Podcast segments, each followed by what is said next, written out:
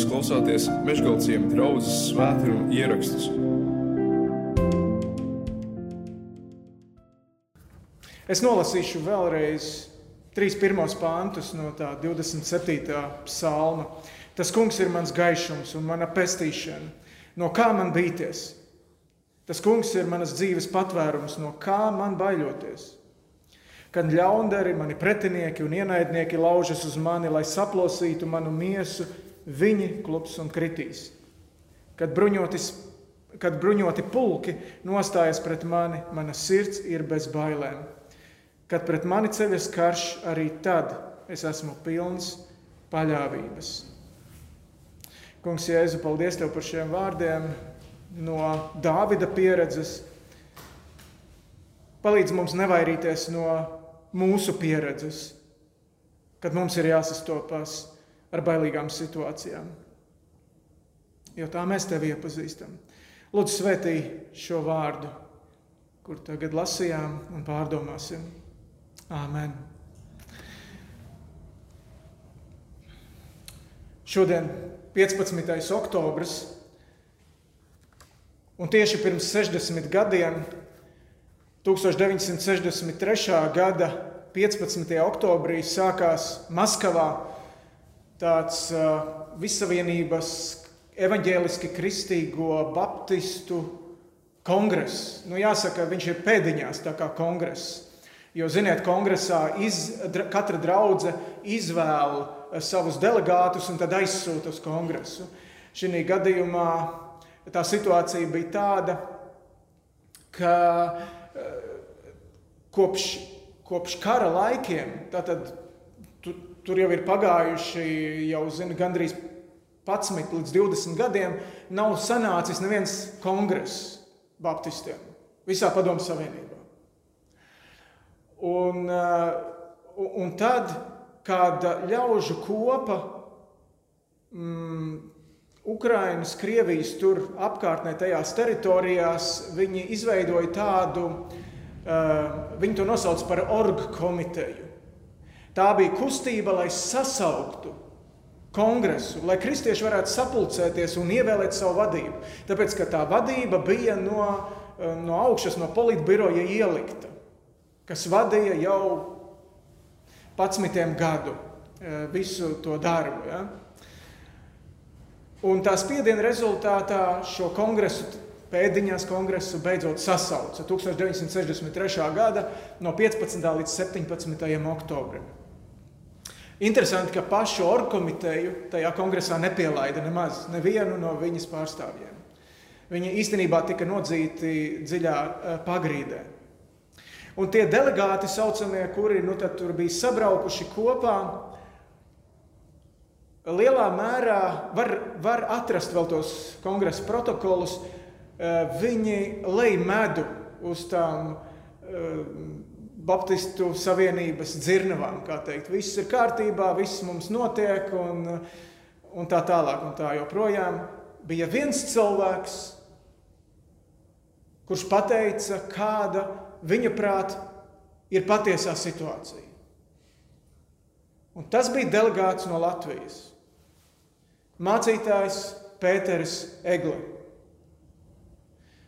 Varbūt vēl vecākie, vecākās paudzes cilvēki atcerās, Mārtiņa noteikti atcerās, ja, Pēteri Egli. Es arī vēl viņu atceros. Viņam šogad aprits 120 gadi. Un arī 30 gadu kopš viņš ir mūžībā. Viņš nodzīvoja garu un bagātu mūžu. Eh, viņš, starp citu, kara laikā, otrā pasaules kara laikā, bija saistīts arī ar mežģītiem draugiem. Viņš šeit regulāri brauca uz mežģītiem draugiem eh, vakarēdienas svētdienās, ja, jo viņš kalpoja Liepājā Cienā. Tā kā arī ar šejiem viņš ir saistīts. Tajā brīdī gan viņš bija jau Jaunjēlgavā. Bet viņš bija vienīgais, kurš visā tajā kongresā pateica, ka mums ir jāatzīst savas kļūdas. Mums ir jāatzīst, ka mēs esam rīkojušies nepareizi daudzās vietās. Un ka šie cilvēki, kur ir nodzīti pagrīdē, tā orkomiteja, ja, ka, tā, ka tur ir kaut kas labs, droši vien. Nevar būt, ka tur ir viss tikai slikti. Ka tur varbūt ir tā īstā, patiesā kristietības sāls ja, tajos vajātajos cilvēkos. Protams, viņa uzstāšanai, viņa tam, tai, tai piedalīšanās diskusijā, tam bija sekas. Kad viņš atbrauca atpakaļ, jau nākamajā nedēļā viņš tika izsaukts uz orgāniem, kā teikt. Un viņš teica, tā bija briesmīga diena un briesmīga nakts. To viņš savā atmiņā raksta. Viņam atņēma reģistrācijas apliecību. Sludinātāja, mācītāja reģistrācijas apliecību viņš vairs nedrīkstēja sludināt. Tā bija cena, ko viņš maksāja par to. Tur gan vēlāk notika tāds kompromiss, ka draudzene, Jaunjēlgavas draudzene, atdeva savas telpas, lai varētu paturēt savu mācītāju. Tādu cenu maksāja mūsu priekšgājēji par savu sekošanu. Tā bija drosme. Tā bija drosme aizbraukt uz Maskavu un pateikt, kā lietas izskatās patiesībā. Es tā mēģināju domāt, kas varētu būt tā drosmes nu, definīcija. Un es nezinu, bet man šķiet, ka, ka drosme ir spēja visdažādākajos apstākļos vai situācijās, kurās tu nonāc, rīkoties pareizi. Tā kā tu atrodi par pareizi, tā kā tava sirdsapziņa saka, kā ir pareizi. Tā kā tu zini un saproti, kā Dieva vārds saka pareizi. Un darīt to, rīkoties tā, neskatoties uz tām sakām, kuras tu tikpat labi apzinājies, kādas no tā var, eh, var iznākt otrā galā. Vai tu esi drosmīgs? Vai es esmu drosmīgs? Kāda universitāte veica pētījumu, un viņi tādus nu, cilvēkus sadalīja pa grupiņām, desmit, pa desmit cilvēkiem katrā grupiņā, un sauc iekšā telpā, un uz tāfeles bija trīs līnijas. Garāka, drusku īsāka un vēl drusku īsāka. Un viņiem tika uzdots jautājums, kura no šīm ir garākā līnija? Viss jau ir vienkārši, bet eh, tas apslēptais bija tas, ka deviņi cilvēki bija sarunāti, ka viņi rādīs to otro garāko līniju. Un tas viens nezināja šo norunu. Un izrādījās, ka no visa tā pētījuma 75% gadījumu tas viens cilvēks pieslēdzās tam vairākumam Un viņš nevis parādīja, ka šī ir garākā līnija, bet viņš parādīja, ka tā otrā garākā līnija ir garākā līnija. Kāpēc? Tāpēc, ka viņš, viņš baidījās nostāties pret pārējiem. Vai tad es esmu tik stulbs, vai es esmu tik dumšs, pietrūka drosmes? Vai tu un es mēs rīkojamies pareizi? Pat ja tas ir uh, neizdevīgi, vai tu un es esam gatavi un spējīgi nostāties pret straumi? Vai mēs sakām patiesību tur, kur patiesība ir jāsaka? Jā, mīlestībā, bet patiesība. Un es domāju, ka padomju laikos, par kuriem sākumā teicu, tas bija ļoti izteikti. Ja? Tev bija ļoti krasas tās robežas, nu, kur tev to drosme varēja, varēja būt vajadzība izrādīt. Pēdējos 30 gados mēs esam dzīvojuši jau tādā, nu, nu, tādā mērenākā ne, situācijā, kur mums nav bijusi tik, tik ļoti nu, izaicinoši novilkt šādas robežas. Bet man šķiet, ka tagad mēs atgriežamies atkal, kā sabiedrība, ļoti bieži atpakaļ pie tā, ka ka tas ir atkal kļūst grūti. Pateikt, kādi ir tavi uzskati par šo vai citu lietu. Un atkal mums ir jāmācās būt drosmīgiem. Es nezinu, kā jūs, es neesmu drosmīgs. Es, man drosme nepiemīt dabiski. Citos cilvēkos es redzu, ka viņiem, ka viņiem ir vienalga, ka viņi pasakā savas domas, un viņiem ir bieza āda, ko citi saka un domā. Man tā nav. Man ir jāmācās šo drosmi. Un bieži vien man, man ir lūkšana pēc divām lietām manā dzīvē, pēc divām tādām īpašībām, pēc diviem tikumiem. Ja? Un viena no tām ir drosme, ko es no Dieva lūdzu laiku pa laikam. Tāpēc es, es saku, es nerunāju to, ko es nezinu. Es runāju par to, kas man pašam ir svarīgi. Mēs dzīvojam tādā izaicinošā laikmetā. Un ļoti iespējams, ka šis ir laikmets, par kuru Jēzus, kad viņš runā par pēdējiem laikiem, saka, ka cilvēku sirdis pamirs izbailēs, redzot to, kas tuvojas. Un bailes, bailes, bailēm ir tā lieta, ka viņas paralizē. Tu vienkārši sastingsti. Ja? Ja tu esi kārtīgs latvietis, tad varbūt tev ir bail no tā, ka tu tagad ar savu viedokli pievērsīsi uzmanību un tu tagad nostāsies un būsi viens baltais zvirbulis. Ja? Varbūt tev uh, ir bail kļūdīties. Varbūt, ka jā, tu neesi pārliecināts par kaut ko. Tev ir bail no atraidījuma.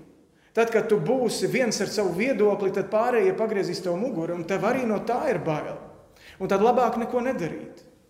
Tad labāk, lai paliek tā, ka es esmu tur tāds pagrīdnieks. Bet man šķiet, ka šis laiks uh, arvien vairāk prasa ieņemt kaut kādas konkrētas nostājas, konkrētos jautājumos. Un Bībele mūs aicina būt drosmīgiem. Laiku pa laikam Bībelē, kad mēs skatāmies, mēs varam ieraudzīt atkal, ka Dievs saka, esi stiprs un esi drosmīgs. To viņš teica Jozom, kuram bija jāievada to tautu no 40 gadu klejojumiem, tūkstnesī jāievada apsolītajā zemē. Esi stiprs un esi drosmīgs, esi drosmīgs. Ej, dari. To saņēma šādu pavēli arī, arī Salamans, šis valdnieks, kurš ir jauns valdnieks, bet Dāvids saka, tev ir jāuzbūvē templis, dieva nams, ko es nevarēju. Dāvida ilgas bija uzbūvēt to templi, bet viņš to nevarēja. Dievs teica, tu to neuzbūvēsi, tavs dēls to uzbūvēs. Un Dāvids saka, šeit tev viss ir materiāli, esi drosmīgs, dari to. Ziemassvētku vakarā ganiem eņģeļi parādās un saka, nebaidieties. Pie kapa sievietēm eņģelis parādās, nebaidieties. Un interesanti, ka šis, šie norādījumi par drosmi, par nebaidīšanos parādās tādos lielos pagrieziena punktos. Tur, kur tev patiešām ir jāieiet iekšā tajā apsolītajā zemē, kur neviens, eh, visi izlūki atnākuši un teikuši, jā, tā ir laba zeme, tur piens un medus tek, bet tur ir arī milži. Tu nezini, kas, kas tev tur var sagaidīt pretī. Ja, tad, kad tev ir jāuzbūvē viens, viens templis dievu godam, tas, kāds, kas, kas agrāk nemaz tāds nu nav bijis, kad ir pagrieziena punkts. Ja? Jēzus dzimšana vai Jēzus augšām celšanās, kur eņģeļi atkal saka, nebīsties. Pagrieziena punktos. Un ja tu esi kaut kādā savas dzīves krustojumā, šajā brīdī, tad esi drosmīgs un dari to, kas ir jādara. Skaties drosmīgi nākotnē, drosmīgi atzīst to patiesību, ka, ka var nebūt viegli, ka var būt jāmaksā kaut kāda cena, ka var būt upuri, bet dari, tāpēc ka tā ir pareizi. Bībele stāsta arī par vienu gadījumu, kur, kur jūdi, kāda grupa no jūdu tautas vadītājiem nebija drosmīga. Un tas ir Jāņa evanģēlijā, hm, kur man ir grāmatzīmīti. Jā, Jāņa evanģēlijā 12. nodaļā, kur Jēzus jau saka, jā, ka, ka dzīvojiet, kamēr jums vēl ir gaisma, sakojiet gaismai, kamēr es vēl esmu. Viņš tūlīt jau tūlīt, kā saka, vairs publiski nerunās. Viņš saka, kamēr gaisma, tikmēr sakojiet. Un tad par šiem tās nodaļas beigās, 42. un 43. pantā, ir rakstīts, Jānis saka, tomēr daudzi valdības vīri bija sākuši viņam ticēt, bet farizēju dēļ viņi to atklāti neapliecināja, lai tos neizslēgtu no draudzes, jo viņi cilvēku atzinību mīlēja vairāk nekā godu Dievu priekšā. Šeit bija viens pagrieziena punkts, kurā kāda cilvēka grupa nobijās, kuri nebija drosmīgi atzīt to, ka šis cilvēks ir mesija. Viņi klusībā ticēja, bet no ēnas atklātībā neiznāca. Un tad es tā pagājušajā nedēļā domāju, tas ir ļoti interesanti, ka drosme nav minēta starp svētā gara augļiem. Mīlestība, miers, prieks, pacietība, laipnība, labprātība, lēnprātība, uzticamība, atturība, ja paškontrole. Šis viss ir tas nu, gara auglis, kuru Dievs vēlas redzēt mūsu dzīvē. Tās ir tās īpašības. Tur nav drosme. Interesanti, kāpēc. Drosme nav minēta arī starp uh, svētā gara dāvanām.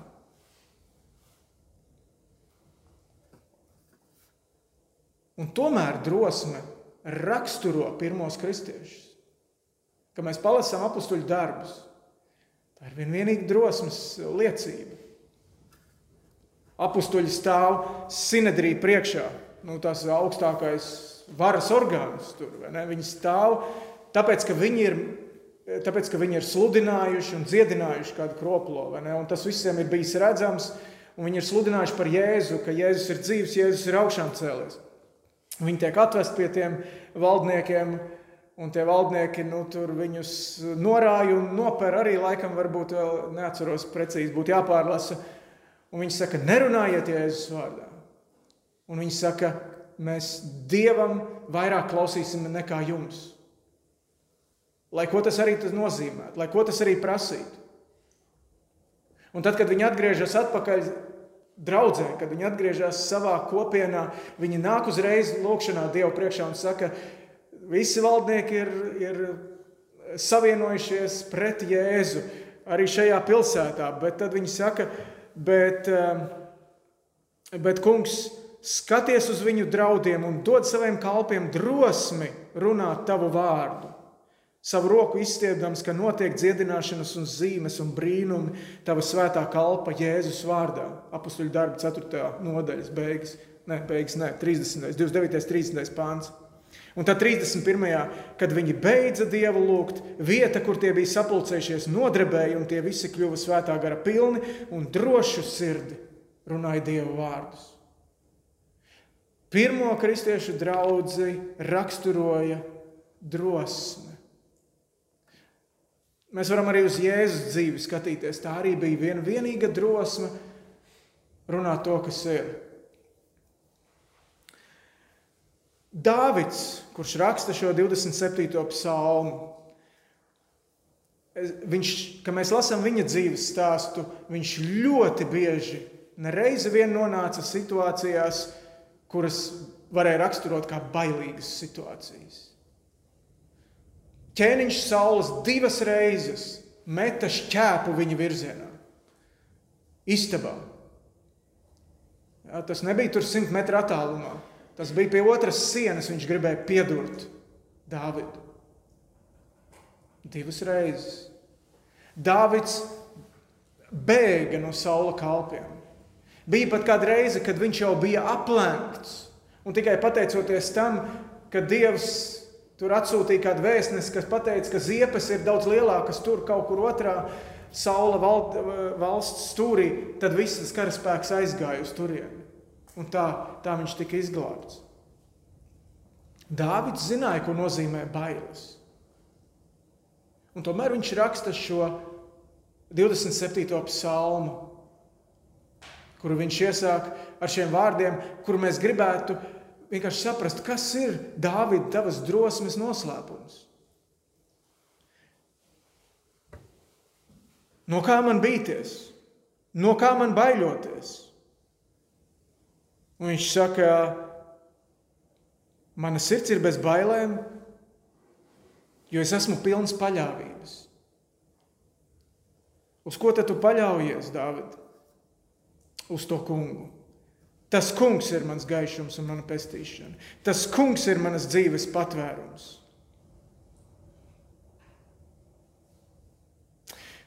Ja svaru kausos, Dāvids saka, vienā pusē ir tie ļaundari, pretinieki, ienaidnieki, pat bruņoti pulki, bet otrā pusē ir tas kungs.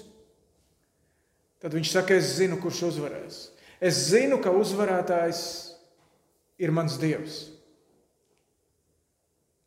Vai mēs to tā varam ticēt savā dzīvē? Dāvids bija piedzīvojis to, ka Dievs ir viņu izredzējis kā ganu puiku, paņēmis no ganībām un atvedis viņu šeit, tur, kur viņš tajā brīdī ir. Jau ķēniņš, jau valdnieks. Dievs viņu bija izredzējis, Dievs viņu bija aicinājis, Dievs viņu bija iecēlis un svaidījis par valdnieku pār tautu. Dievs bija arī apsolījis, ka pēc viņa nāks uh, pēcteči, ne, un ka viņa nams, viņa dinastija pastāvēs. No viņa nāks arī vēl mesija galu beigās. Un šī paļāvība uz Dievu, uz Dieva apsolījumu deva viņam drosmi šajos konkrētajos uh, apstākļos. Dievs, Dāvids pazina Dievu. Dāvids pazina Dievu. Kāpēc man un tev kādreiz trūks drosmes? Vai tad Dievs mūs, kā kristiešus, nav aicinājis no tumsas gaismā, no nāves dzīvībā? Vai Dievs mūs nav izredzējis, vai Viņš mums nav devis apsolījumus Bībelē? Kāpēc mēs tik bieži no tā neusticamies, ka, jo, ka šī situācijā Dievs gan kontrolē, ka Viņš var uh, būt uzvarētājs. Vai tas var būt tāpēc, ka mēs par maz viņu pazīstam? Ja tā, tad kāpēc mēs nepazīstam? Un iespējams tāpēc, ka mums nav piedzīvojumu ar Dievu.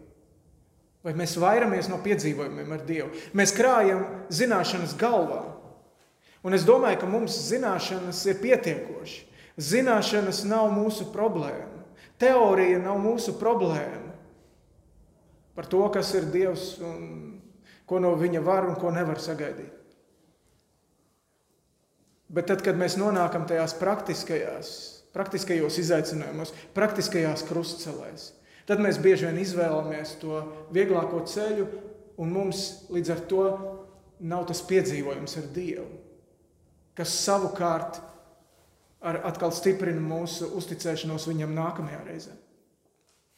Par šo drosmi man, man ienāca prātā šī, šī doma, šis, šis temats pagājušajā, ne, vairāk jau kā nedēļu atpakaļ kad iepriekšējā nedēļas nogalē mums bija ar orķestri brauciens uz Rēzekni, un mēs braucām pa tādu neparastu maršrutu gar, gar Lietuvas pierobežu. Tur, var sakot, caur dobeli un nezinu, vecumniekiem. Tur tā, tas virziens. Un es braucu un lasīju grāmatu, un nepievērsu ap, ap, apkārtnēji uzmanību.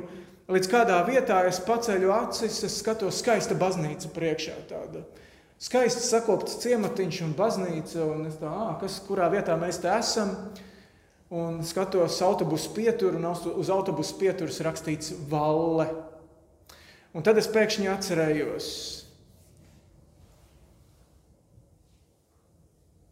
jau pieminēto mācītāju Pēteru Egli. Viņš pusotru gadu nodzīvoja Vallē tālu no savām tēva mājām. Viņš ir cēl, nācis no, mm, kā to vietiņu sauc, Staldzena pie Ventspils. Bet es tajā brīdī atcerējos, kad viņš stāsta savā biogrāfijā, ka Vallē notika viņa otrais piedzīvojums ar Dievu. Viņš jau bija kā pusaudzis, 13, 14 gadu vecumā Rīgā, Mateja draudzē, jau atgriezies un ticis kristīts. Viņš jau bija pievienojies draudzē, svētdienas skolā, kalpojis un tā tālāk. Pēc tam pārcēlušies ar ģimeni, bija atpakaļ savā mājā Ventspils pusē. Bet ar laiku viņš saka, ka viņa, viņa apziņu sāka mocīt vaina, ka viņš nespēja dzīvot dievam patīkami. Viņš nespēja, un tas spied ar vien vairāk, ar vien vairāk. Viņš attālinājās no draudzes savā jaunībā. Viņš vispār aizgāja no tēva mājām. Ja, no Vēncpils puses pārcēlās uz zemgali, projām Vallē, Lietuvas pierobežā. Kādu pusotru gadu viņš tur strādāja, kalpoja, eh, kaut kādas pilnīgi citas lietas darīja. Un tur notika šis piedzīvojums. Diemžēl es nezinu, viņš nekur nav aprakstījis konkrēti, kā viņu dievs tur atrada. Vismaz es neesmu to, to dzirdējis. Bet viņš saka, es biju kā pazudušais grasis. Ziniet, tās Jēzus līdzības par pazudušo aitu, par pazudušo naudas gabalu, par pazudušo dēlu. Un viņš saka, ja pazudusī aita vēl kaut kādas sagadīšanās pēc varēja atgriezties atpakaļ aplokā, ja pazudušais dēls vienkārši kādā, kādā savā izmisuma brīdī piecēlās un nāca uz tēva mājām, tad viņš saka, es biju pazudušais grasis, kurš vienkārši gulēja, pazudis un bezcerīgs. Tu nespēji piecelties un atripot atpakaļ uz maku. Bet Dievs mani atrada. Dievs mani atrada otrais, un viņš mani aicināja. Tas bija tas pagrieziena punkts, kur viņš bija pietiekami drosmīgs, lai celtos un nāktu mājās. Viņš atnāca, viņš izdarīja izvēli, lai iestātos garīgajā seminārā 1929. gadā šķiet. Un tad mēs tālāk zinām, Tos, tas stāsts ar Maskavu līdz pat beidzot, un, un beigās viņš bija arī vēl bīskaps Latvijas Baptistu draugu savienībā un atstāja ļoti paliekamas un svētīgas pēdas savā dzīvē.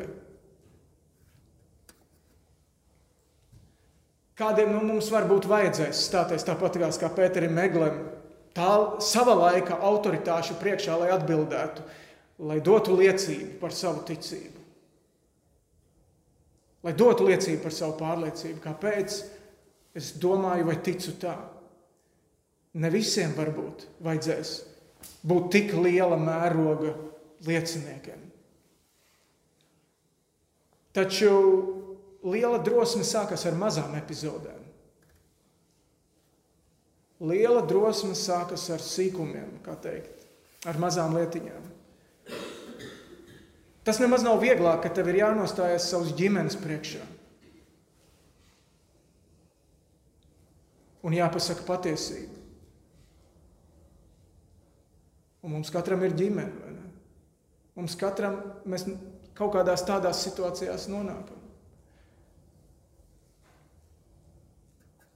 Tās arī prasa drosmi, ka tev savu kolēģu priekšā ir jāpasaka, ka tu šādā vai tādā situācijā būsi godīgs, piemēram, ja? un maksāsi nodokļus. Nelaidīsi tur pa kaut kādu blakus kasi kaut ko. Nu, piemēram, ja? es nezinu. Vai kādas citas par savu ticību pastāvēt, kādas citas vērtības parādīt. Tad, kad visi iet vienā virzienā, tu paliec otrā virzienā. Tas prasa drosmi. Un galu galā liela drosme sākas ar drosmi sev, sev pašam atzīties, ka es dzīvoju grēkā. Kādreiz pat ir jāatzīstas sev, ka es dzīvoju grēkā, ka es dzīvoju atkarībā, ka es dzīvoju citu vainošanā par to, kas man neiet manā dzīvē. Es vainoju citus.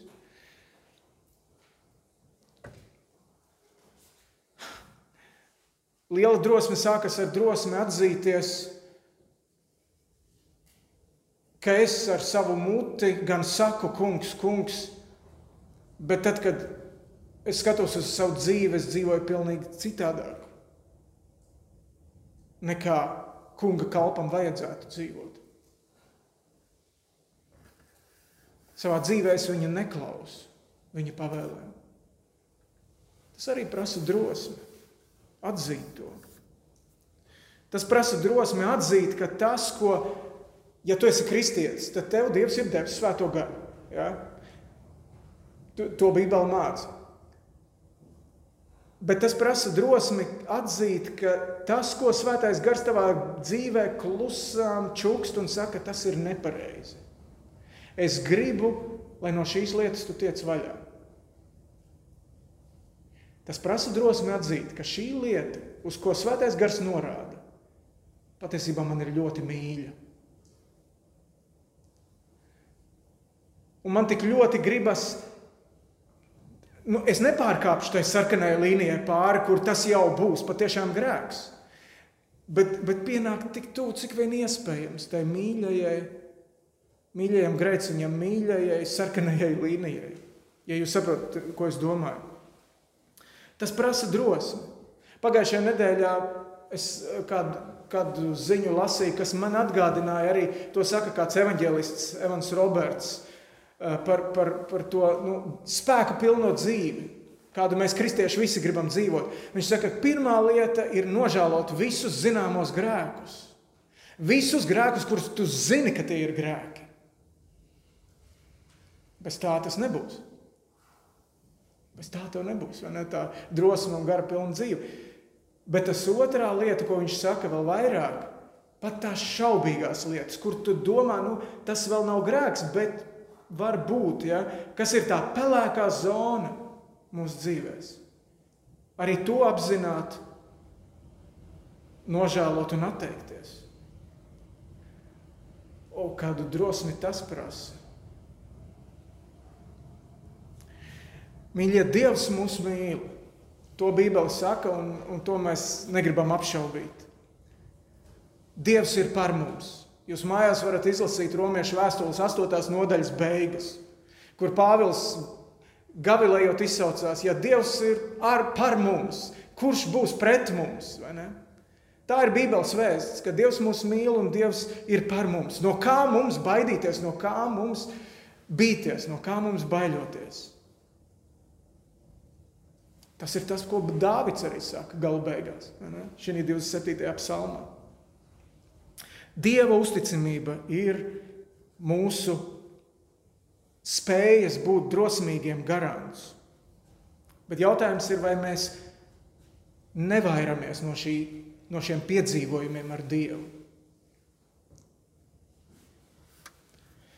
Es aicinu, ka mēs vingrinamies uzticēties Dievam tajos krustojumos, kuros nu, mums mūsu dzīve ievada.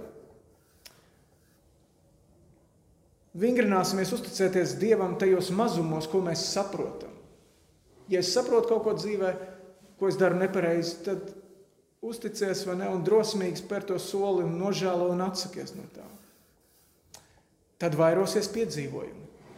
Un ar piedzīvojumiem ar Dievu vairosies arī drosme. Lai Dievs mūs svētī arī mani tai skaitā, lūksim Dievu. Dievs, paldies, ka tu savai draudzēji neesi devis baiļu garu, bet esi devis spēka, mīlestības un savaldības garu. Piedod, lūdzu, ka mēs tik bieži esam izvēlējušies tos vieglākos ceļus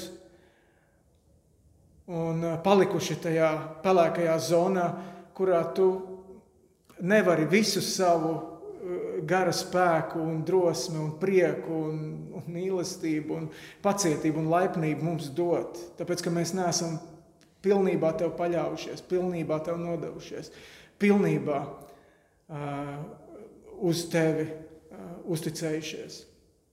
Piedod lūdzu mums tos grēkus, kurus mēs zinām, un piedod arī tos, kurus tu šajā brīdī mūsu prātos atgādini caur savu, savu svēto garu.